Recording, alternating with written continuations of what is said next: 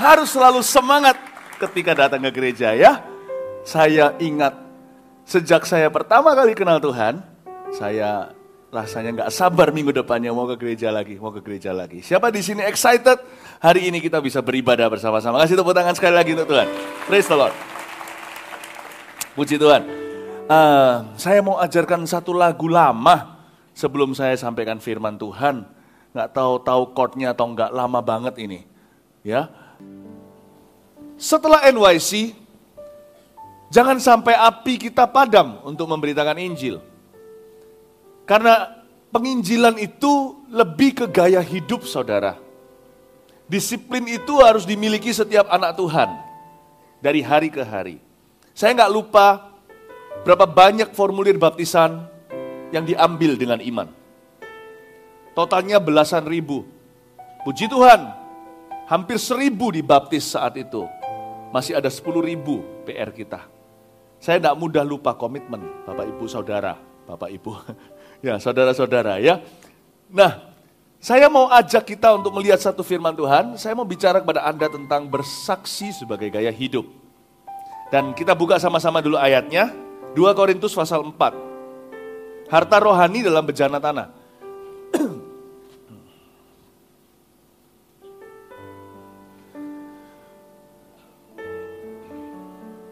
2 Korintus 4 ayat 1 sampai 15 kita akan bahas.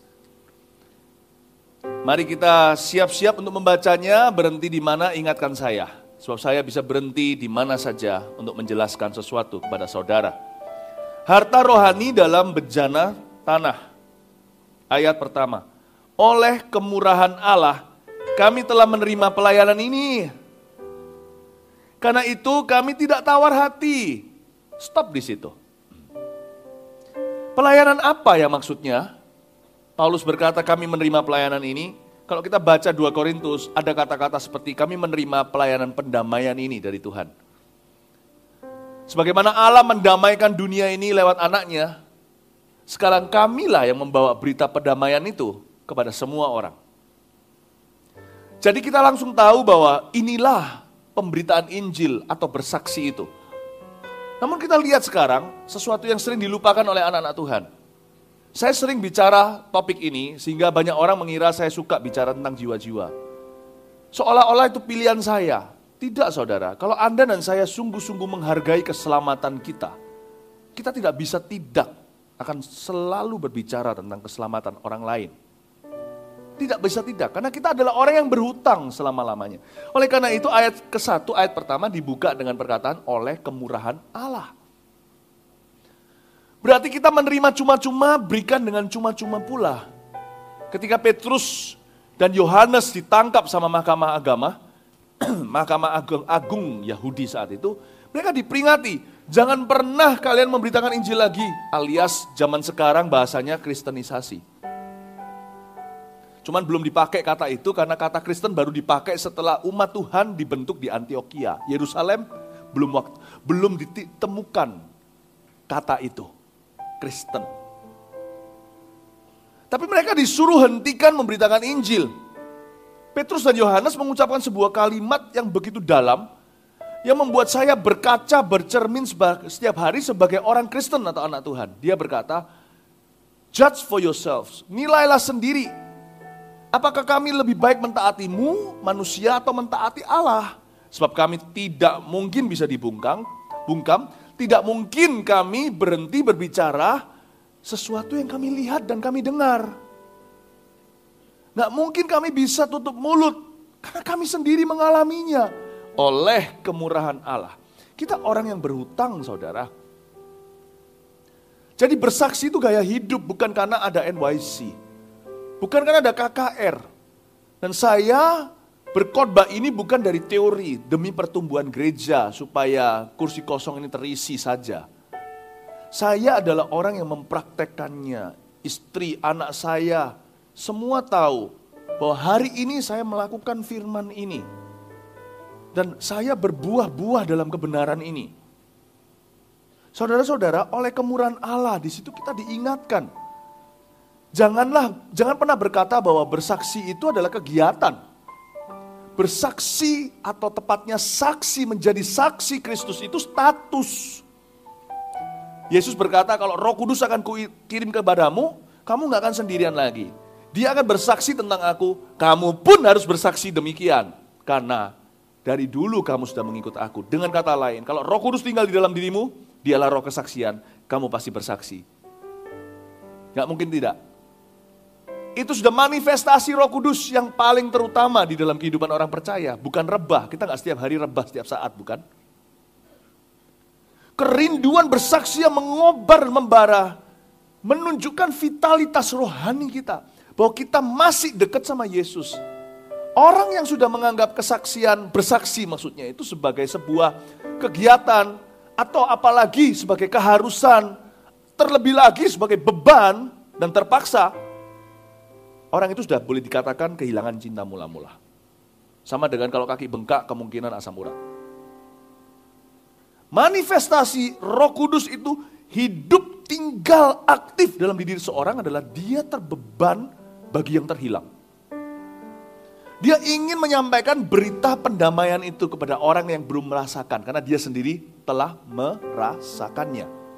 Itu yang disebut dengan oleh kemurahan Allah oleh kemurahan Allah. Kita lihat ayat kedua. Tetapi kami menolak segala perbuatan tersembunyi yang memalukan. Kami tidak berlaku licik dan tidak memalsukan firman Allah. Sebaliknya kami menyatakan kebenaran dan dengan demikian kami menyerahkan diri kami untuk dipertimbangkan oleh semua orang di hadapan Allah. Sebenarnya memberitakan Injil itu natural saja. Asal hidup kita itu ya menjauhi dosa, memberitakan Injil itu mudah. Karena dikatakan di sini, kami tidak berlaku licik, tidak memasukkan firman. Kami menyatakan kebenaran dan serahkan diri kami untuk dipertimbangkan semua orang. Sebenarnya, orang yang mau memberitakan Injil merasa dirinya kurang sempurna, kurang bisa bicara segalanya, itu sebenarnya alasan. Alasan sesungguhnya di hati setiap orang kenapa tidak memberitakan Injil, karena dia merasa ada dosa di hidupnya. Saya membuat sebuah keputusan yang radikal dalam hidup saya. Saya jauhi kebiasaan lama saya dulu. Manusia lama saya, setiap kita punya original sin atau dosa asal-usul. Ada orang yang suka marah, ada yang kecanduan alkohol. Yang nggak kecanduan alkohol, minum alkohol, kita berpikir kenapa ya orang bisa suka barang ini, kecanduan sekali. Kayak minum spiritus gitu loh. Tapi ada orang kalau nggak minum, ter, bisa betul-betul sakau rasanya ada orang suka merokok. Ya. Kita itu bukan dosa asal usul saya. Saya di Singapura ditawari seorang teman saya orang Jepang waktu saya masih sekolah, belum kenal Tuhan, Kristen-Kristenan. Saya dikasih rokok, padahal mentol itu biasa, bukan rokok yang berat. Saya, saya isap sekali, saya berkata, saya ngomong sama dia, bodoh kamu, kenapa kamu kecanduan yang beginian? Gak enak, tapi saya punya kecanduan saya sendiri. Setiap orang punya kecanduannya sendiri. Setiap orang punya bakat lah istilahnya. Saya jauhi bakat saya itu. Demi Tuhan saya jauhi. Saya beritahu pada diri sendiri, aku tidak mau pegang barang-barang yang membuat aku kecanduan itu. Apa pun itu, setiap kita beda-beda. Karena aku mau dipakai oleh Tuhan. Ketika saya jadikan bersaksi sebagai gaya hidup saya, saya beroleh kekuatan penuh untuk bisa berkata tidak kepada dosa. Karena saya punya tujuan. Saya ada kerinduan untuk dipakai oleh Allah. Lain cerita loh ya. Kadang-kadang kalau kita jadikan formalitas membeku semuanya, kita jadikan acara. Banyak orang begini, setelah acara retreat contohnya pulang, jatuh lagi dalam kebiasaan buruk apa pun itu. Karena dia merasa, loh, waktu dia di atas sana dia merasa hiper sekali. Dia merasa high sekali secara rohani. Waktu turun, merasa kosong, jatuh lagi. Banyak cerita begituan di kalangan anak muda. Jangan anak, muda, orang dewasa juga banyak. Kalau kita punya orientasi bersaksi itu adalah acara atau program semata, kita akan yoyo, selalu roller coaster, naik dan turun. Sebentar up, rasanya dosa tidak kita sama sekali tidak bernafsu, tapi sebentar down ketika semua sepi kita jatuh. Tapi kalau Anda dan saya bisa mengenakan satu senjata rohani, tidak mudah kaki itu terpleset atau atau terantuk oleh batu. Namanya kasut kerelaan memberitakan Injil damai sejahtera, Efesus 6. Kalau kita jadikan memberitakan Injil sebagai gaya hidup, Kita kan punya kekuatan moral untuk berkata kepada apa yang tidak bermoral. No! Aku mau dipakai Tuhan. Itu yang membuat saya selama bujangan tidak pernah tidur dengan gadis atau perempuan siapa-siapa. Karena saya berkata, aku mau dipakai Tuhan untuk memberitakan Injil ke bangsa-bangsa. Itu menjadi kekuatan buat saya, baik hari Minggu ada acara, ada KKR atau tidak. Apalagi saya waktu itu belum berkhotbah saudara, saya nggak bergantung spotlight untuk membuat saya merasa hidup secara rohani. Saya punya gaya hidup sendiri, dan itu tersembunyi dengan Kristus. Saya selalu excited bergairah, kapan dan di mana saya akan bertemu dengan orang yang Tuhan tentukan untuk saya menangkan. Sebab saya terngiang-ngiang di telinga saya, perkataan Tuhan kita yang berkata, kamu kujadikan penjala manusia. Jiwa-jiwa, memenangkan jiwa-jiwa sebenarnya terlebih dahulu, pertama-tama baik untuk kita, bukan baik untuk jiwa-jiwa itu saja. Kenakan kasut kerelaan memberitakan Injil damai sejahtera. Jangan pikir tentang acara, ada nggak ada acara? Saya ini nggak bergantung acara. Ada nggak ada NYC? Ada nggak ada KKR? Ada nggak ada FKA? Saudara-saudara, dari dulu sekarang sampai selamanya Tuhan, by God's grace ya, saya akan tetap demikian. Saya selalu akan dipakai oleh Tuhan. Itu pikiran saya, itu kerinduan saya, itu mimpi saya. Di mana pun dan kapan pun, dengan cara yang tidak terduga. Makanya saya harus ready setiap waktu ketika Tuhan memanggil saya, bukan mati, untuk dipakainya. Jadi kita mengerti ayat 2 ini, kami menolak segala perbuatan tersembunyi. Karena Tuhan mau presentasi lewat hidupku. Jangan pernah pesimis saudara di sini, jangan ada yang merasa dirinya itu biasa. Anda mesti punya mimpi untuk dipakai Tuhan lebih. Jangan bergantung program gereja. Jadikan itu perjalanan hidupmu atau gaya hidup. Jadikan itu pengalamanmu setiap hari dengan Kristus. Amin, saudara-saudara. Ya. Jadi orang yang selalu pikirannya, orientasinya opportunity.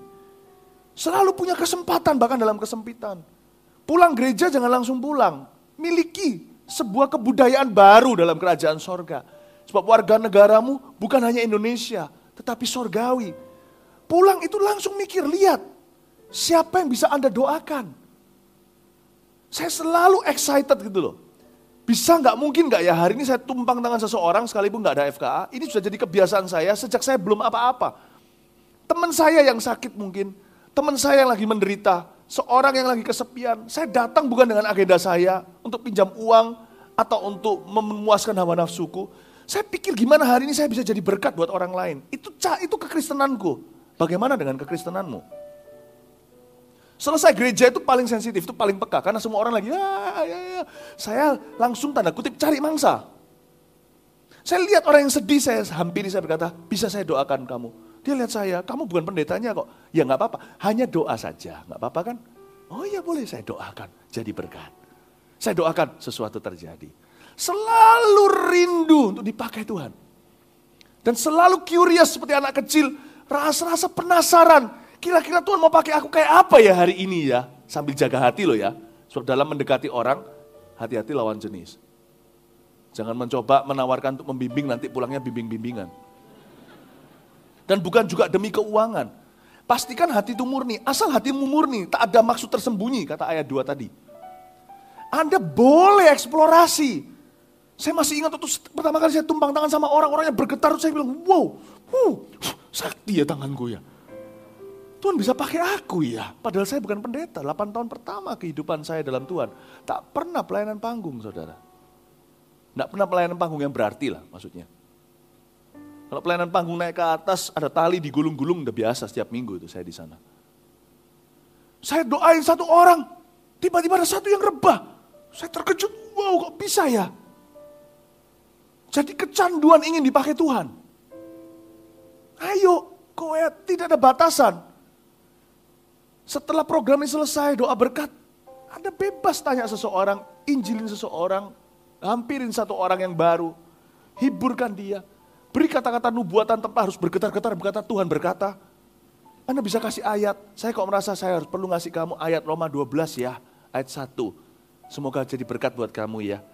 Besoknya minggu depannya bilang sama kita, ayat itu tepat seperti yang aku butuhkan. Wow, luar biasa. Padahal kita ya coba-coba loh ya. Kita ya bukan dengar suara Tuhan gimana. Come on, be excited. Church is where you meet people. Gereja adalah tempat di mana kita bertemu orang dan ini kesempatan kita dipakai Tuhan. Kalau di gereja aja kita takut, di luar kita juga semakin ketakutan. Latihannya di sini dulu. Dari sini ke sana nanti. Amin, saudara-saudara. Ayat 3. Lihat ini. Jika Injil yang kami beritakan masih tertutup juga, maka ia tertutup untuk mereka yang akan binasa. Wah, sedih ya. Ini kata-kata kok pesimis sekali ya. Yaitu orang-orang yang nggak percaya, yang pikirannya telah dibutakan oleh ilah zaman ini sehingga mereka tidak melihat cahaya Injil tentang kemuliaan Kristus yang adalah gambaran Allah. Sebab bukan diri kami yang kami beritakan, tetapi Yesus Kristus sebagai Tuhan. Dan diri kami sebagai hambamu karena kehendak Yesus. Ayat ini dimulai, ayat 3 sampai 5, dengan pesimis sekali. Kalau ada orang yang kami beritain Injil, dia nggak terima Tuhan, ya sudah, itu salahnya sendiri. Istilahnya gitulah ya. Atau dia dibutakan dengan ilah masa kini. Yang penting pokoknya Kristus yang kami beritakan, bukan diri kami sendiri. Maksudnya apa di sini? Ini bukan ayat pesimis, karena nanti setelah ini kita baca ayat berikutnya optimis kembali. Ayat ini bicara tentang oyotnya, akarnya, motivasi memberitakan Injil itu apa? Suatu hari, suatu hari, saya ini kan selalu gini, kalau jalan sama Tuhan itu kan Tuhan itu selalu akan netralkan, netralisirkan hati kita ketika mulai agak, bukan salah lah, mulai sedikit keluar dari sasaran Allah. Saya sering kali diperkenalkan sebagai seorang yang dalam masa mudanya membawa seratus ribu orang, ratusan ribu orang kepada Kristus. Meskipun itu bisa jadi benar, meskipun itu bisa jadi statistik dan fakta. Tuhan tahu hati saya. Suatu hari Tuhan uji saya seperti Tuhan menguji Abraham, tapi nggak separah itu, anak harus diserahkan. Tapi Tuhan tanya sama saya satu pertanyaan, Hati-hati gini loh, kalau sama Tuhan bicara itu ya, jangan selalu lempar pertanyaan ke dia, mengapa, mengapa. Selalu belajar percaya dulu.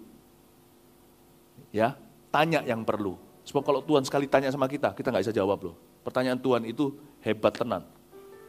Orang Farisi lemparin dia pertanyaan, digagalkan, dipatahkan, dikalahkan. Sekali Tuhan kasih pertanyaan hubungan dengan Daud kok bisa begini. Daud menyebut Mesias itu Bapak Allahku.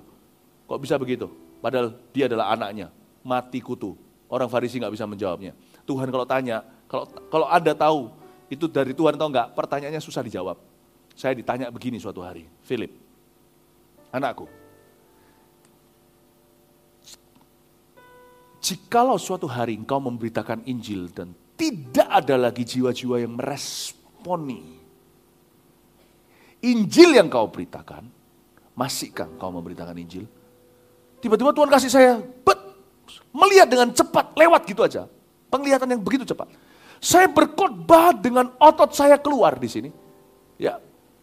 Dulu saya sebelum memberitakan, eh, waktu saya masih jauh lebih muda, saya nggak punya otot di sebelah sini. Sekarang kalau saya agak ngotot sedikit, otot ini keluar di sini. Nggak ada sebelumnya. Ini otot dari khotbah. Dari tahun 2000 trip to hell itu. Ada sebuah otot kalau Anda perhatikan di sini keluar kalau saya khotbah. Sekarang masuk lagi. Dan saya melihat otot saya, urat maksudnya di sini keluar. Saya berkhotbah waktu saya berkata, lepaskan. Tak ada satupun yang maju. Cepat dan Tuhan berkata, jikalau itu terjadi masihkan kau akan memberitakan Injil. Dan sebelum kau menjawabnya, apa pun jawabanmu, beri aku tahu, beritahu kepadaku kata Tuhan alasannya. Wow, susah. Hati-hati jawabanmu. Engkau berkata, enggak apa-apa Tuhan. Sungguhan nanti enggak ada yang meresponi. Ketika engkau berkata, baik kuserahkan Ishak, hati-hati siapa tahu pisau itu menancap dan Tuhan tidak berkata hentikan. Saya berpikir keras, saudara. Why I preach the gospel? Is it for my glory? Or is it because it is easy? Apakah itu demi kemuliaan saya atau karena memang memberitakan Injil sementara ini sekarang mudah? Why do you preach the gospel? Because people accept it. Apa karena apa kita memberi, Anda memberitakan Injil? Bersaksi sama orang lain. Karena orang lain menerimanya? Karena mudah? Atau karena Demi kemuliaanmu. Lihat, aku bawa dua orang loh. Dua orang dibaptis di NYC. Apa kerinduanmu bercampur dengan egomu? Atau kerinduanmu murni demi Tuhan? Wah jawabannya susah, saya salah jawab, bisa-bisa diambil urapan. Saya bilang nggak apa-apa Tuhan, Sekalipun nggak ada yang memberitakan, nggak ada yang meresponi aku, nggak apa-apa. Sungguhan besok nggak ada yang meresponi gimana? Urat keluar sia-sia. Saya jawab sama Tuhan, setelah saya renungkan saya bilang begini. Tuhan, jikalau tidak ada seorang pun lagi yang meresponi altar kolku, tak ada orang lagi yang menerima Injil yang kuberitakan kepada mereka, hamba tetap akan memberitakan Injil karena, jangan lupa Tuhan minta alasannya. Karena Injil adalah kesukaanku. Karena Injil yang menyelamatkanku. Injil adalah kekuatan Allah Roma 1.16 untuk menyelamatkan orang berdosa pertama-tama saya. Nabi Nuh memberitakan ratusan tahun. Tidak ada yang meresponinya. Dia terus beritakan dan tetap bangun bahtera. Dan yang meresponinya mengecewakan sekali, hanya hewan. Bayangin kalau Anda khotbah, yang ngangguk-ngangguk hanya monyet tetangga. It is the gospel that I love. Then I love the souls. Injil yang kucinta, baru setelah itu jiwa-jiwa. Karena Injil tentang Yesus mati untuk dunia. Dia menyelamatkan mereka. Saya harus teriak di atas atap dan beritahu sama semua orang. Yesus telah mati bagimu. Kau tidak harus hidup seperti itu. Dia bangkit, dia akan datang kembali. Ini baterainya masuklah. Gak ada yang masuk kecuali Nabi Nuh dan istrinya. Tiga orang anaknya. Dan tiga orang mantunya. Masuk dalam bahtera. Lalu hujan turunlah. Itu pun yang keluarga yang masuk mungkin terpaksa. Karena keluarga pendeta harus ikut semuanya jadi jemaatnya. Nabi Nuh tetap sukacita, tidak ada kesan terpaksa. Dia beritakan dicaci maki, dibilang gila, dibilang fanatik segala, diludahi mungkin, dituding-tuding. Nabi Nuh tidak keberatan. Waktu bahtera ditutup, dia nggak dari jendela berkata, ne, ne, ne, ne, ne. Tidak ada dianya di dalam pemberitaannya. Baik ketika dia dipercaya, dia nggak merasa seperti dia yang berhasil. Baik ketika dia ditolak, dia nggak merasa dia gagal. Karena cintanya adalah kepada Tuhannya. Do you preach the gospel that way? Saya bilang sama Tuhan Yesus, karena alasanku, karena Injil yang kucinta. Dan Injil itu kebenaran. Rasul-rasul kan bilang gini sama Tuhan. Ketika Tuhan bilang, kamu gak mau sekalian meninggalkan aku tah? Setelah 400 orang meninggalkan Yesus di Galilea. Tuhan bilang apa? Kamu gak mau tinggalkan saya? Rasul Petrus berdiri dan berkata, gua mau ke mana? Engkau yang punya firman kehidupan. Sekalipun tak seorang pun meresponi aku lagi, ini buyar semuanya, saya tetap akan beritakan firman. Saya tetap akan beritakan firman kalau tidak ada tuayan beneran yang ada beneran hanyalah tanaman gandum di depan saya. Saya akan beritakan firman dan segala kebenarannya. Saya tetap akan beritakan firman. Karena saya tahu firman itu kebenaran. Makanya itu Markus 16 berkata seperti ini bukan? Beritakan Injil ke segala makhluk dalam bahasa Inggrisnya creature. Kalau manusia tidak mau mendengarkanmu, beritakan ke hewan. Bukan mereka diselamatkan, Tuhan tidak tebus mereka. Kalau tidak ada orang lagi mau mendengarkan berita pengampunan, saya akan bicara pengampunan kepada bulan. And I will still go home feeling blessed. Saya masih pulang merasa diberkati. Saya pulang merasa berhasil karena keberhasilanku bukan angka. Tetapi komitmenku kepada berita yang memerdekakanku itu. Berita yang mulia, bahasa Inggrisnya glad tiding, kabar baik itu. Amin saudara-saudara. Do you have such heart? Do you have such heart? Tuhan suatu hari bicara sama saya sesuatu. Saya nggak GR loh ya, ngomong begini. Tuhan bilang, Philip, aku menunggu ada orang sepertimu lagi akan urapi, akan kuurapi dia. Tapi saya berkata, Tuhan sudahkah kau temukan? Belum katanya. Ini subjektif, tidak ada di firman. Ini pengalaman saya dengan Tuhan. Karena saya berkali-kali ajarkan bahwa saya ambil formulir baptisan itu bukan hanya ada NYC. Sekarang saya tidak ambil lagi. Karena penyertaan Tuhan telah meningkat dalam kehidupan saya. Saya tunggu. No, Tuhan menunggumu. NYC sudah lewat bukan? Kita lihat, hari Sabtu ini ada yang dibaptis karena ada orang yang ambil kemarin itu disimpan. Masih terbeban nggak? Nggak ada acaranya sekarang. Masih ada nggak terbeban? Saya dulu belum NYC, waktu tahun 2000 di sini, 98 tepatnya. Belum pendeta di sini, belum mimpin saudara, mimpin siapa-siapa, saya di Jawa Tengah. Saya bawa formulir itu, tak ada orang yang cek kontrol salah, saya tidak ada KPK. Saya dengan disiplin inisiatif sendiri, karena rindu dipakai oleh Kristus, tak ada satupun lembaran kuning yang di tanganmu dulu lembaran putih biru sia-sia di tanganku. Jadi 300 jiwa hingga hari ini. Sebelum saya khotbah hari ini, tadi siang, pagi, saya baptis sendiri. Dua orang, yang dua-dua dari orang-orang tidak beragama Kristen. Buah kami bersama. Kita menangkan tadi di bawah saya baptis. Saudara-saudara, Tuhan menunggumu. Ini perkataan Tuhan kepada saya, aku menunggu seseorang sepertimu padahal engkau sudah, anakku Philip kamu sudah berkali-kali kasih hin sama mereka. Ceritamu ini nggak baru, sudah berkali-kali, sudah belasan tahun di Mawar Sharon kamu selalu bilang aku ambil formulir baptisan, aku ambil formulir baptisan, aku sopek, nggak ada satupun sia-sia, 300 segalanya. Nggak. Siapa yang tergerak? Adakah yang menirumu? Adakah yang ikut jejak kakimu? Kalau yang mau mengikutmu caramu khotbah banyak. Mau melihat sukses pelayananmu, mau meniru, tidak sedikit. Tetapi adakah yang meniru suksesmu ketika kamu belum berhasil di mata manusia? Ketika kamu masih berada di belakang padang rumputmu, membunuh bukan Goliat, tetapi beruang dan singa.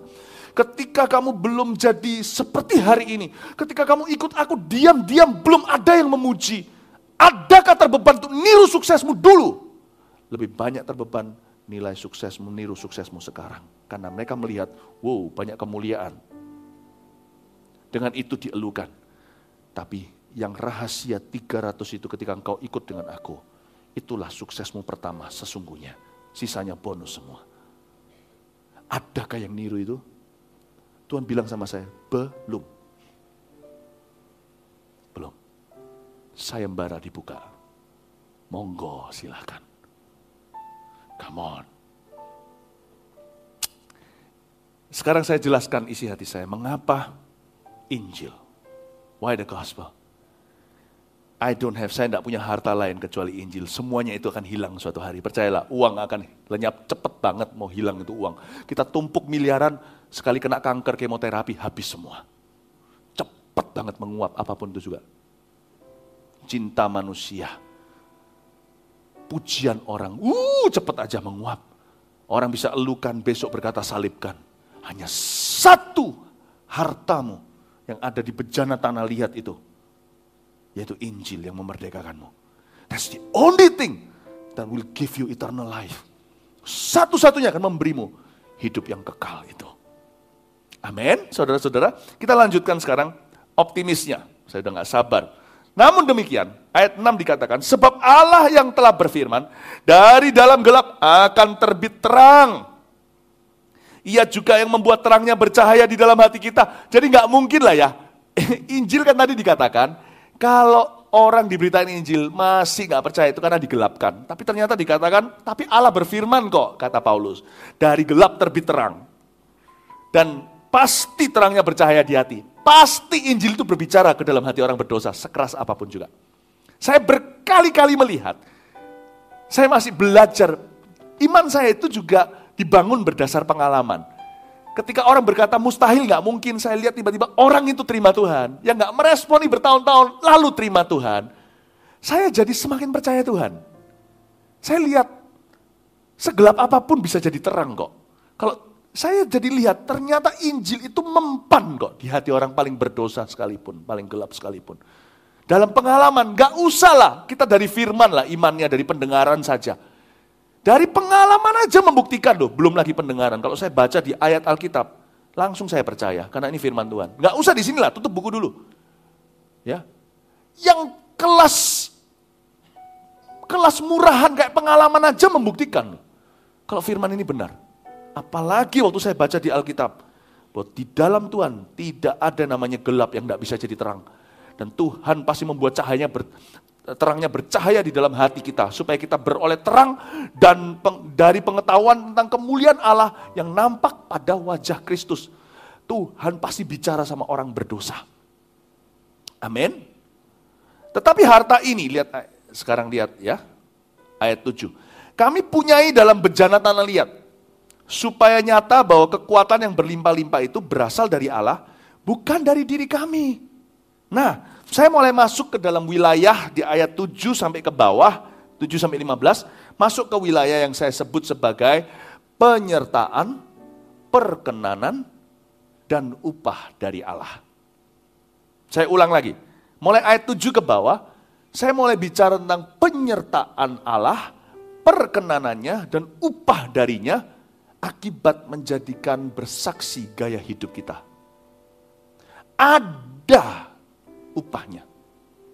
Di ayat ini dikatakan, harta ini dalam bejana tanah liat. Saudara-saudara jangan salah mengerti, harta ini bukan bicara tentang hubungan kita dengan Kristus saja. Tapi pelayanan ayat pertama, pemberitaan Injil itu harta dalam kehidupan orang percaya. Ini bukan bicara tentang hubungan kita dengan Tuhan. Hubungan kita dengan Tuhan sudah aman. Kita nggak usah memberitakan Injil. Kita nggak seperti sebuah sebuah sebuah aliran seperti saksi Yehova contohnya. Sebenarnya yang mereka anut percaya adalah kalau mereka harus memberitakan berita itu agar supaya mereka bisa diterima, supaya mereka bisa diselamatkan. Jadi memberitakan Injil mereka bagi mereka berarti keselamatan jiwa. Kita enggak loh ya. Harus tahu jelas bedanya loh ya. Jadi kalau kalian lihat ada orang-orang, salah satu dua orang biasanya mereka berdua-berdua pakai helm rapi, pakai dasi, baju putih, sepedaan di jalanan. Itu yang saya maksudkan. Mereka orang yang baik-baik, pinter-pinter, tapi tidak sama loh ya pengajarannya dengan kekristenan. Meskipun sama-sama ada Yesusnya. Anda harus jangan jangan jangan salah ngerti. Kita punya hubungan dengan Tuhan nggak tergantung kita memberitakan Injil atau tidak. Nah itu juga yang membuat kasih karunia ini disalah ngerti sehingga membuat banyak orang Kristen jadi asal-asalan memberitakan Injil.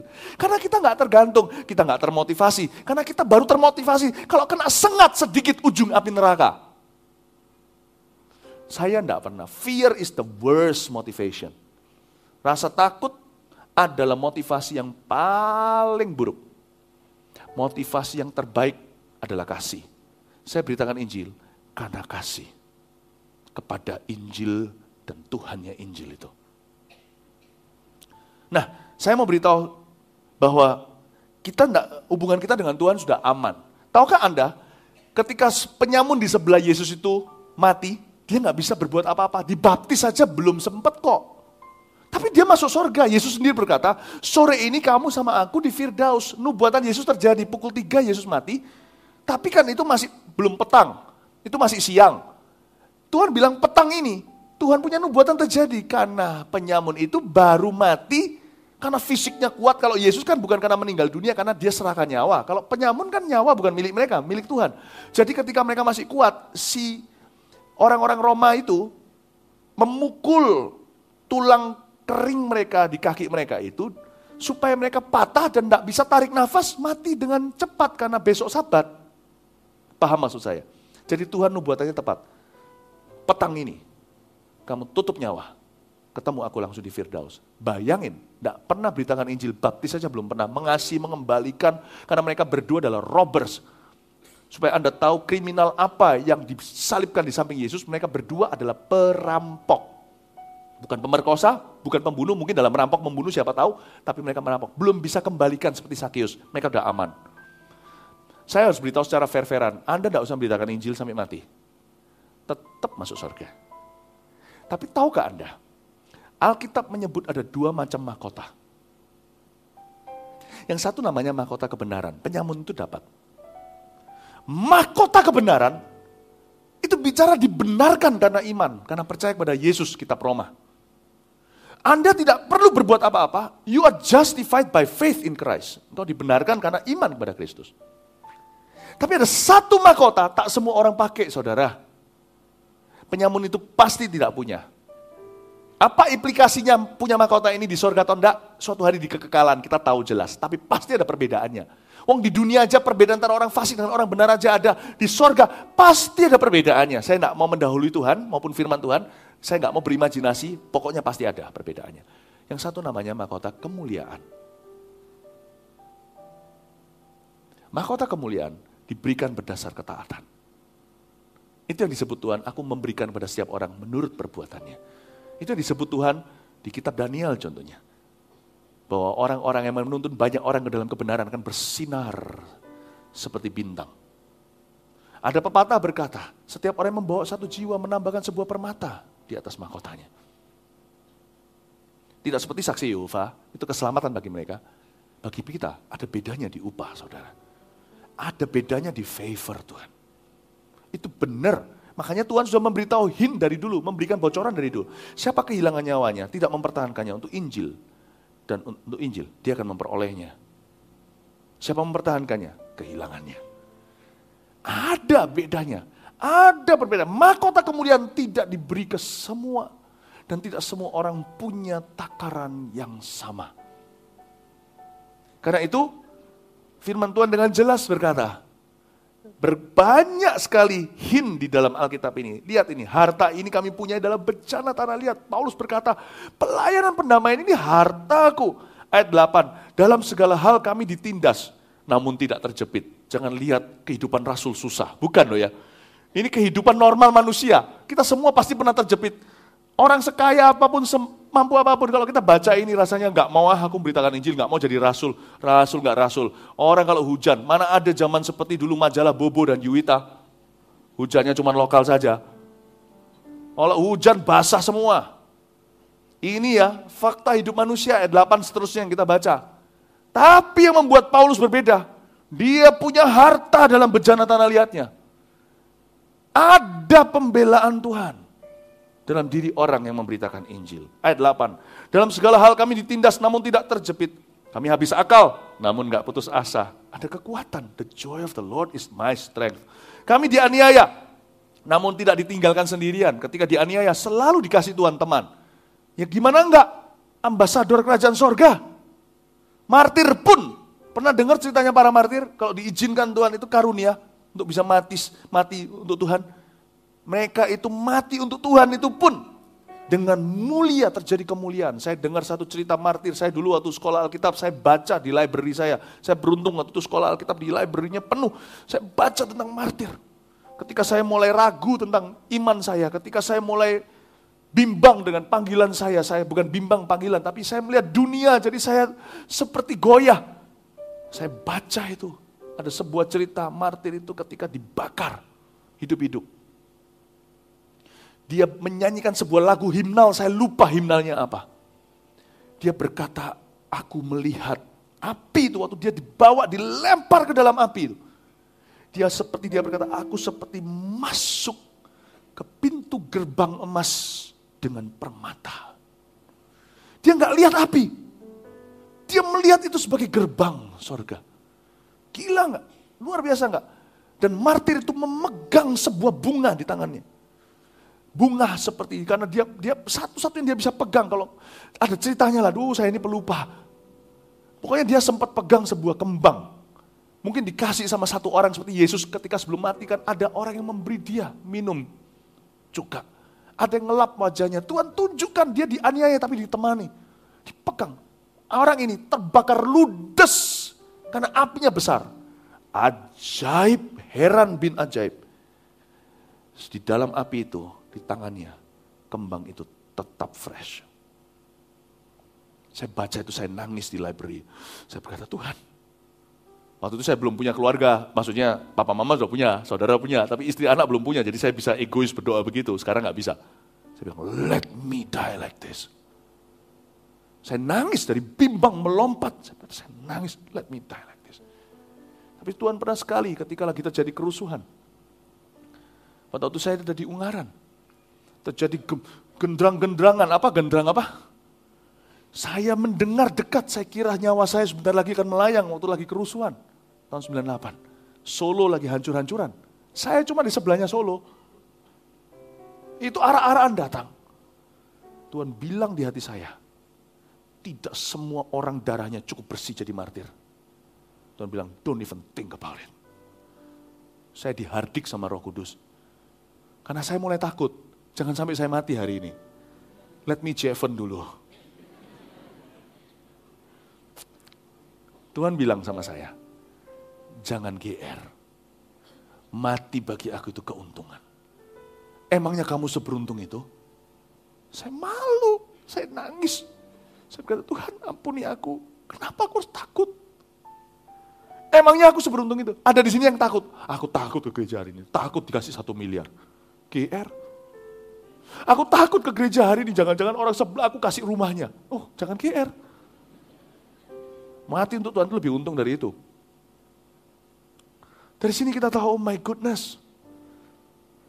Kami di ayat 2, ayat 10, kami senantiasa membawa kematian Yesus dalam tubuh kami. Supaya kehidupan Yesus juga menjadi nyata di dalam tubuh kami. Sebab kami yang masih hidup ini terus menerus diserahkan kepada maut karena Yesus. Supaya juga hidup Yesus menjadi nyata di dalam tubuh kami yang fana ini. Maka demikianlah maut giat di dalam diri kami dan hidup giat di dalam kamu. Paling tidak cuma disuruh mati daging saudara. Mati bagi pikiran terkutuk, takut memberitakan Injil itu sebagai beban lagi. Itu yang Tuhan bilang, itu aja yang perlu mati. Aku tidak butuh darahmu sebagian besar di sini atau mungkin semua tak akan pernah mati martir saudara. Namun karena kami memiliki roh iman yang sama seperti ada tertulis, aku percaya sebab itu aku berkata-kata. Maka kami juga percaya sebab itu kami juga berkata-kata. Karena kami tahu bahwa ia yang telah membangkitkan Tuhan Yesus akan membangkitkan kami juga bersama dengan Yesus. Dan ia akan menghadapkan kami bersama dengan kamu kepada dirinya. Sebelum ayat 14, sebelum ayat 15 kita baca, saya jelaskan sebentar. Paulus berkata, harta rohani dalam bejana tanah liat lalu aku ditindas tapi begini, aku dianiaya tapi nggak sendiri. Maksudnya apa? Orang yang menjadikan bersaksi sebagai gaya hidupnya punya favor dengan Tuhan. Bukan berarti mereka selalu kaya nggak apa-apa. Ada yang martir loh ya, saya peringatkan. Tapi saya bicara tentang penyertaan Tuhan. Bukan hanya orang itu berjalan dengan Tuhan, sejak dia terima Tuhan, kita semua berjalan dengan Tuhan kan? Kita sempoyongan, tetap harus kembali ke jalan yang benar. Domba yang masuk ke lembah kekelaman, Mazmur 23, dituntun ke jalan benar oleh karena namanya. Kita yang berusaha jalan sama Tuhan. Tapi orang yang memberitakan Injil, sebaliknya Tuhan jalan sama dia. God walks with them. Tuhan jalan sama mereka. Itu penyertaan. Penyertaan itu Immanuel. God is with me. Not only I'm with God, Are you a Christian? Yes, I'm a Christian. But a gospel preaching Christian? Not only you are with God, you are walking with God. God is walking with you. Penyertaan Allah. Melalui semua masalah up and down hidup ini, Paulus berkata, aku disertai. Wah. Perkenanan Allah. Penyertaan itu Tuhan jalan sama kita. Perkenanan itu Tuhan beritahu, uh, Tuhan itu beritahu bumi dan langit untuk menghargai kita. Itu perkenanan Allah. Rasanya seperti pohon-pohon di hutan semuanya angkat tangan dan memberi hormat sama kita ketika kita lewat. Itu perkenanan. Ada wibawa, bumi langit disuruh menghormati kita. Itu tidak sama dengan penyertaan. Perkenanan itu seolah-olah Tuhan hipnotis keliling kita. Bukan berarti semua nice sama kita. Karena kita juga dipanggil untuk sengsara. Kita juga dipanggil untuk menderita bagi Kristus, bukan? Minimal penderitaan yang kita alami penderitaan mental harus dialami karena kita di, mungkin dikucilkan, dikata-katai, mungkin kita ditolak, dunia ini nggak friendly sama kita. Tapi benar, Tuhan akan menyuruh bahkan musuh kita pun tersungkur sama kita dan berkata bahwa kita dikasih oleh Tuhan suatu hari. Satu, perkenanan, penyertaan, perkenanan. Lalu ada upah, saudara-saudara. Jadi gini, tunggu sebentar. Kadang-kadang ya, saya merasa saya ini dari waktu ke waktu, saya ngerasa seperti saya ini diperlakukan spesial. Ketika sebelum saya GR, saya merasa kadang-kadang kalau orang itu melakukan sesuatu, kalau orang itu disertai Tuhan, bisa saja dia salah ngerti, lalu berubah jadi kesombongan. Karena dia merasa dia lebih rohani dari orang lain. Nah itu salah. Ketika kita merasa kita lebih berharga dari orang lain, nah itu salah. Karena kita, karena Alkitab mengajarkan kita, di kitab Roma, eh so, di, diajarkan di perjanjian baru, diajarkan berkali-kali dengan berbagai pengajaran untuk kita memikirkan orang lain lebih tinggi daripada diri kita sendiri. Dan jangan berpikir melebihi kapasitas takaran iman kita. Ya kan? Ketika kita memikirkan, ah aku anak emas Tuhan, itu pemikiran yang kekanak-kanakan atau duniawi. Tapi benar saya harus bisa mengakui berbagai berbagai ber, berkali-kali saya diperlakukan istimewa oleh Tuhan. Dalam berbagai keadaan dan kondisi saya nggak bisa ceritakan. Satu persatu, terlalu banyak. Dan kalau saya harus menemukan satu alasan di samping bahwa itu semua hanyalah anugerah Allah, saya berani katakan, kalau memang ada satu faktor yang bisa saya sebut sebagai pemicunya, saya hanya bisa katakan karena saya bersaksi akan Kristus. Berkali-kali sampai anak saya sendiri bisa bisa memperhatikan hal itu. Kalau anak sendiri memperhatikan, berarti sesuatu. Kalau jemaat yang memperhatikan, jemaat nggak lihat hidup kita kan? Kita bisa dari khotbah menciptakan kesan, sama dengan orang di Twitter, Facebook segalanya, rasa lebih rohani dari sesungguhnya. Kata-katanya rohani, ketemu, waduh mengecewakan. Kalau keluarga itu nilai yang sesungguhnya. Anak saya ngomong gini, Daddy, bisa nggak suatu hari aku disertai seperti Daddy? Bisa nggak? Tentunya saya bilang, bisa, sekarang pun kamu sudah disertai. Tapi saya akan ajari sambil dia berdiri, sambil dia dewasa untuk dia melayani agenda Allah, bukan agendanya sendiri. Siapa kehilangan nyawa, memperoleh nyawanya dari Tuhan. Baik itu cerita-cerita sederhana seperti plane harus take off tunggu. Berbagai macam hal yang nggak mau, nggak mungkin saya sampai hal-hal yang detil kecil-kecil itu loh Rasanya kok saya merasa seperti VIP ya. Ketika saya mulai GR, saya mau jadi mungkin mau jadi sombong atau apa Tuhan ingatkan. No, it's not because of the tanah liat, bukan karena tanahnya. Bukan karena bejananya, karena harta di dalammu. It is that ministry in you that makes all our angels to go with you. Karena ministry itu, saya bilang ministry bukan program gereja loh ya. Tapi kebiasaan oleh karena ministry itu, oleh karena oleh karena pelayanan itu, pelayanan pendamaian itu yang terus kau jalankan dan kerjakan itu, mengerjakan keselamatan kata Filipi, aku menyertaimu. Seluruh malaikatku menyertaimu. Tuhan itu lucu. Pernah dengar orang cerita Tuhan itu lucu? Saya berkali-kali ya, Tuhan itu juga mengerti hidup berkeluarga karena Tuhan Yesus itu, aduh saya itu kamsia. Tuhan itu pernah hidup dalam keluarga soalnya. Lain cerita kalau Tuhan tiba-tiba dibesarkan seperti Tarzan. Oleh gorila atau serigala gitu kan, tidak punya perasaan. Tuhan ngerti apa artinya jadi anak. Tuhan ngerti apa jadi kepala keluarga sekalipun Tuhan Yesus kita tidak bukan manusia yang kawin mengawinkan. Seperti manusia yang kawin mengawinkan. Dia tahu gimana caranya take care mama, manula. Dia take care adik-adiknya. Dia disuruh pulang ke rumah Tuhan ngerti keluarga, saya puji Tuhan, Tuhan tuh ngerti. Jadi kalau saya lagi liburan, Tuhan tidak ganggu. Kalau saya sudah janji sama anak saya, buk, tidak tanda kutip penginjilan, saya betul-betul hanya dengan anak saja, Tuhan tidak ganggu loh. Aneh, kayak kami pergi ke liburan keluarga tak lama yang lalu. Itu aneh sekali.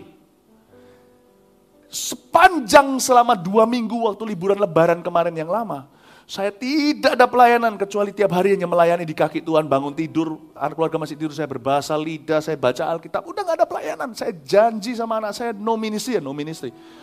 Hari terakhir waktu itu, ini di luar negeri, kami datang untuk urusan lain, tiba-tiba diatur Tuhan ketemu di gereja lagi perayaan tiga tahun. Waktu itu di sebuah di sebuah tempat yang seharusnya tidak banyak gerejanya, udah saya sebut di Jepang waktu itu.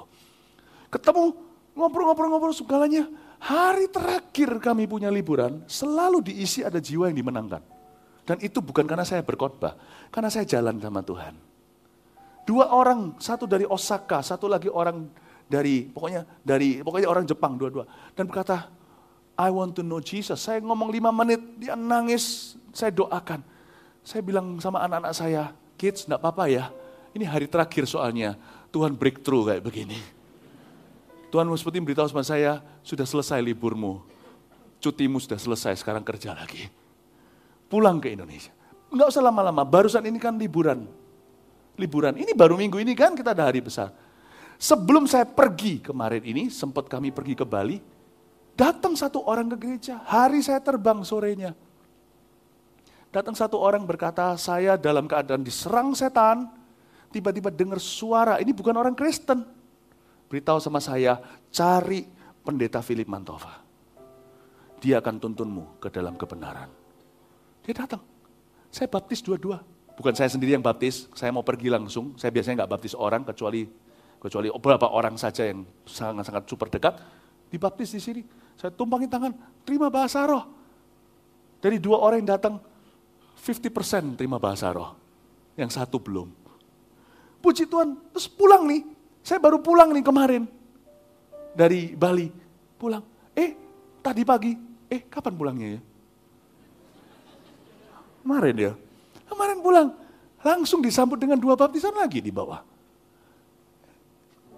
Sebelum liburan, dan baru pulang liburan, selalu cerita dalam keluarga kami, selalu dicepit dengan orang terima Tuhan lewat pelayanan kami, lewat kehidupan kami. Selalu dicepit begini. Dan ini tidak diganggu gugat sama Tuhan. Sana kia-kia. Tuhan itu tahu musim. Karena itu orang di sini berkata, aku sekarang udah punya anak, gak bisa nginjil apa segala itu alasan. Alasan. Saya tidak menangkan orang jago kandang cuma bisa altar call di gereja doang. No. Hidup kami penuh dengan cerita itu. Tanggal 27 September waktu saya ulang tahun kemarin itu, saya masih ingat. Wah, ini itu kan kemarinnya NYC tanggal 26-nya. 27-nya saya khotbah kebaktian jam 10 pagi hari Minggu. Sorenya masih disuruh datang lagi sama Pak Yusuf supaya didoakan gereja sama dinyanyiin happy birthday. Saya nggak mau lah, udah cukup sekali. Ya, saya juga biar yang khotbah juga anak bu, anak-anak rohani, banyak pastor yang datang ke sini. Udah, saya istirahat capek banget tuh NYC itu. Ya, ya mereka pelajar lompat-lompat ya kan. Saya juga lompat-lompat, tapi saya bukan pelajar. Nah, itu sebabnya saya butuh waktu untuk recovery. Akhirnya malamnya kita pergi keluar diajak makan sama para ada pastor-pastor itu diajak makan juga oleh satu keluarga dan beberapa keluarga. Eh siapa sangka penutupan ulang tahun saya saya dapat kado yang kado dari Tuhan untuk saya karena terjadi di ulang tahun saya, tapi sebenarnya kado untuk dari saya untuk Tuhan juga. Karena semuanya kan untuk kemuliaannya. Kita lagi makan-makan-makan, istri saya ngobrol-ngobrol sama satu orang, keluarga daripada GM sebuah hotel besar sekali di China. Bicara, bicara, bicara, terima Tuhan saya dipanggil, sini, sini, sini. You close the deal. Ya kan? Siapa suruh? You yang pendeta. Ya kan? Istri saya yang nabur, saya yang nuai. Saya datang beritahu sama dia, amin terima Tuhan. Tahu nggak? Saya kira ini cuma asal-asalan, oh, terima Tuhan cuma di meja makan. Oh my goodness, dia bukan orang Indonesia. Dan dari sejak hari itu hingga hari ini, kalau sekarang teks saya selalu berkata, ah saya lahir baru. Siapa yang ajari dia bilang, dia born again. Dia ngomong sendiri, ini bukan orang Kristen. I'm born again. Waktu ngomong begitu, saya kaget. Saya kira ini cuma sungkan bahasa basi. Enggak. Selalu gitu hidup kami. Jalan sama Tuhan. Selalu ada. ada. Lalu apa upahnya? Ayat terakhir kita selesai di sini.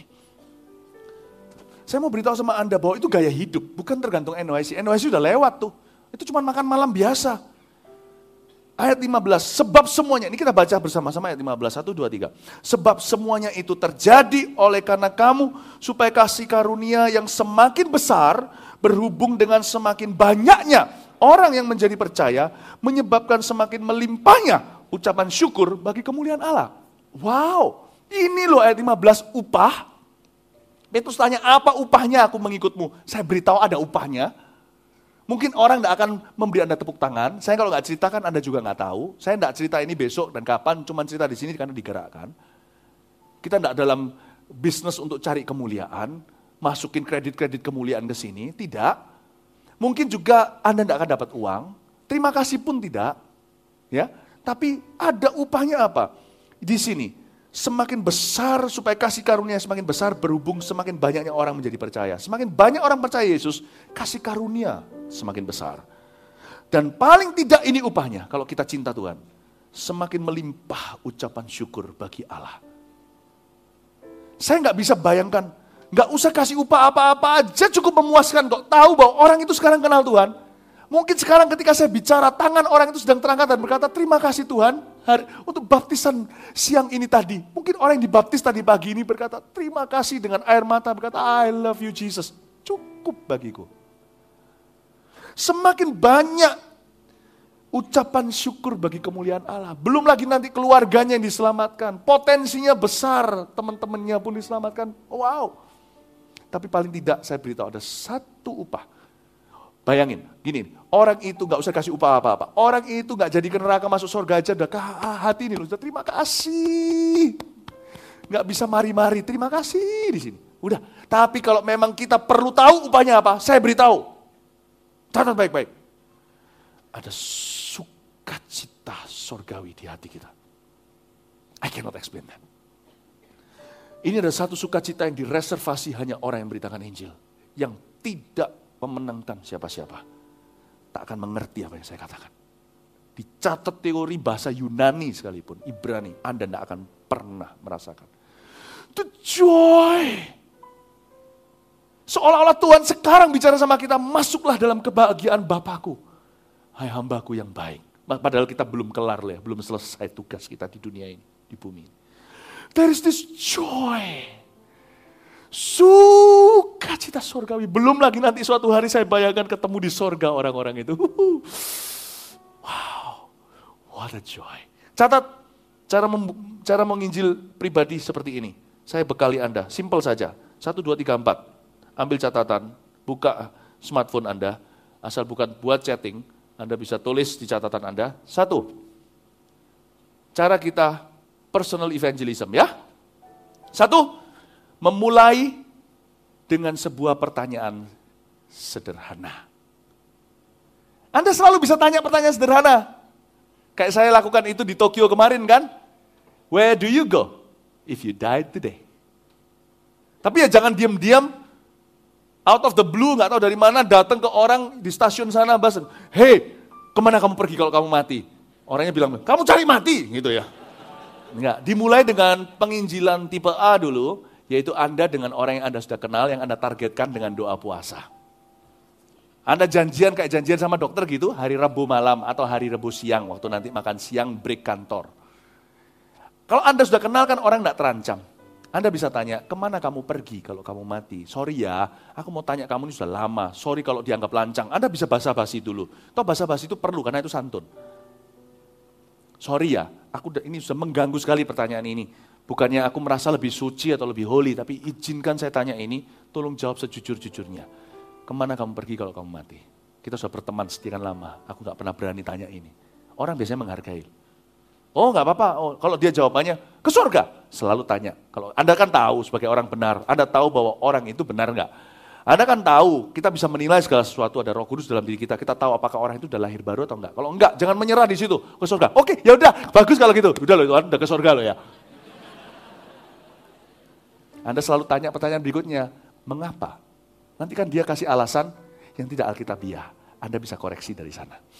Terjadi perbincangan. Tapi mungkin pertanyaan itu terlalu berat. Anda bisa dengan cara menawarkan sebuah jasa. Hei, aku kok hari-hari ini, aku tahu mungkin ngomong gini agak aneh ya, kamu sama aku kaku gini ngomongin, tapi gak apa-apa wis daripada aku menyesal aku rasa kamu perlu didoakan sesuatu, ada sesuatu enggak? Atau kalau enggak, enggak usah kerasa-kerasan. Nanti dia bilang, oh, enggak, aku enggak kerasa apa-apa, tambah kita harus menelan ludah kita. Langsung aja tanya straight. Can I pray for you for anything? Biasanya orang tidak menolak doa. Kecuali orang yang betul-betul anti, enggak karun, enggak tahu. Aku marah-marah, ya sudah, oke, oke, sorry, sorry. Tapi biasanya kalau Anda kenal, Anda tidak akan ketemu orang gitu. Karena orang gitu tidak akan jadi prioritas utamamu, pertama-tama. Anda bisa tanya gitu apa bisa saya doakan? Simple loh. Anda akan lihat the wonder of that question. Anda akan lihat keajaiban bertanya seperti itu, membuka segala pintu. Dua, mengutip firman Tuhan tanpa menyebutkan di mana ayatnya. Nanti bingung, Roma 12 ayat 8, maka Efesus pasal 6 ayat 7, orang nanti kena angkanya jadi bingung semua, apalagi dulu yang nyontek matematika. Anda cukup berkata Alkitab, berkata Alkitab, berkata. Karena itu Anda harus tahu weapon Anda. Kalau baca Alkitab, bacalah ayat-ayat yang Anda tahu ini berbicara orang berdosa. Yohanes 3.16 contohnya. Karena begitu besar kasih Allah pada dunia, ia menyerahkan anak yang tunggal. Roma 3.23. Ya kan? Karena semua orang telah jatuh dalam dosa kehilangan kemuliaan Allah. Roma 6, 3, 23. Karena upah dosa ialah maut. Kalau Anda tidak ingat di mana, Anda cuma berkata, Alkitab berkata. Selalu ingat itu. Karena Alkitab itulah yang disebut di ayat tadi yang kita baca. Dia selalu menciptakan terang di hati orang berdosa ketika disebutkan. Jangan pernah berkata hanya karena kita sudah tahu itu bolak-balik. Alkitab ini selalu ampuh di hati orang berdosa. Anda pakai buku Kristen mana pun juga termasuk before 30. Tidak seampuh itu. Kecuali kalau itu ayat firman Tuhan. Ya, Anda pakai ayat firman, kutip firman itu. Itu membuat setan dan neraka ketakutan. Karena firman Tuhan adalah firman Tuhan. Yang ketiga, mengarahkan mata pada Yesus. Mengarahkan mata kepada Yesus. Sepanjang pembicaraan itu selalu harus Yesus ini, Yesus itu. Kalau Anda kesaksian pun, ada orang yang kesaksian ujungnya nggak jelas. Ujungnya apa? Setelah kesaksian-kesaksian malah dia memberitakan dirinya, bukan Yesus Kristus, seperti yang diajarkan di firman yang kita baca tadi. Selalu Yesus ini, Yesus itu. Karena sebenarnya saudara, kita nggak bisa menyelamatkan siapa-siapa. Hanya Yesus yang bisa selamatkan orang. Kayak Petrus ketika lihat Yesus, dia jalan di atas air. Ketika orang matanya ke Yesus, dia akan sadar dia orang berdosa. Dia akan sadar dia perlu juru selamat. Dia akan diselamatkan. Karena nama Yesus sendiri artinya Tuhan menyelamatkan. Ingat ya, selalu Yesus. Anda bisa pakai kesaksian oleh darah anak domba dan kesaksian kita iblis dikalahkan. Tetapi selalu pakai Bukan selalu bilang Yesus ini, Yesus itu. Iya Tuhan Yesus gini kan aku, Yesus jama aku, Yesus ini, Yesus, Yesus, Yesus, Yesus, Yesus. Ya, paham ya saudara-saudara? Kalau orang belum punya keselamatan apa, Anda tidak usah bicara tentang ini tentang bahkan nggak usah bicara tentang dalam tentang Roh Kudus itu apa. Nggak perlu. Itu nanti ke doktrin berikutnya. Meskipun Roh Kudus lah yang melunakkan hatinya, Anda tidak perlu menjelaskan segalanya. Nanti bingung dia. Loh, loh jadi malah menjadi pembicaraan ke Allah Trinitas. Padahal yang dia butuhkan sekarang hanyalah seorang penebus. Kayak tadi saya doain orang. Saya bicara tentang Yesus. Saya tanya kenapa Anda mau jadi orang Kristen, jangan hanya memeluk agama atau pindah agama. Setelah bicara selesai, saya bawa ke kolam baptisan. Udah di kolam baptisan saya hanya bilang, Yesus, Yesus lagi. Yesus masuk ke air, keluar, turun burung merpati. Yaitu roh kudus. Roh kudus mau turun atas hidupmu. Angal-angalmu Tuhan Yesus, Tuhan Yesus, saya suruh ikut. Sebelum saya baptis, baptiskan aku, uh, penuhi aku dengan roh kudus. Dengan tanda berbahasa lidah. Dia bahkan nggak tahu bahasa lidah itu apa. Dengan tanda berbahasa lidah. Sekarang Tuhan aku minta. Dalam nama Yesus, amin. Tumpang tangan. Orang mama langsung berbahasa lidah. Dia mungkin pikir, oh, apa ini? Yang lebih lucu lagi sebelum saya berlibur kemarin ya orang itu setelah selesai berbahasa lidah dengan kerasnya luar biasa setelah itu dia berkata, tolong beri aku penjelasan apa yang terjadi tadi. Nggak harus mereka tahu segala sesuatu di sini. Alami saja. Yang penting harus tahu di sini, Yesus menyelamatkan mereka. Sometimes you we talk too much unnecessarily. Udah? Tiga? Keempat, terakhir. Mendorong sebuah respon iman. Minimal, apa saudara? Terima Yesus dengan mengikuti doa pertobatan. Doa pertobatan harus include, harus melibatkan, mengajari uh, orang itu mengakui Yesus adalah Tuhan, dia mati, bagi dosanya dan bangkit pada hari ketiga. Udah. Mendorong iman apalagi yang sebelum saya pergi ke Bali kemarin, waktu saya ngobrol sama dia, dia datang nggak siap pakaian. Saya bilang, ayo dibaptis sekarang. Saya try my luck kata orang dunia, mencoba keberuntungan saya. Saya tarik lebih lagi, eh ternyata dia mau. Saya selalu mendorong respon iman. Saya nggak berhenti sampai dia berbahasa lidah. Orang biasanya terlalu gampang menyerah, berhenti di tengah. Saya enggak, ayo baptis. Kalau sama saya, full package. Enggak setengah. Dorong respon iman. Langsung dibaptis. Kalau dia di kantor ya jangan dibaptis langsung di kantor. Buat atur, jangan sampai lepas. Amin, saudara-saudara. Oke, empat ini Anda catat baik-baik. Yang satu apa? Memulai dengan, uh, langsung dicatat, hebat. Wow, multimedianya. Memulai dengan pertanyaan sederhana. Mengutip firman Tuhan tanpa sebutkan di mana ayatnya. Mengarahkan mata pada Yesus, mendorong sebuah respon iman. Kasih tepuk tangan Tuhan. Mari kita semua bagi berdiri.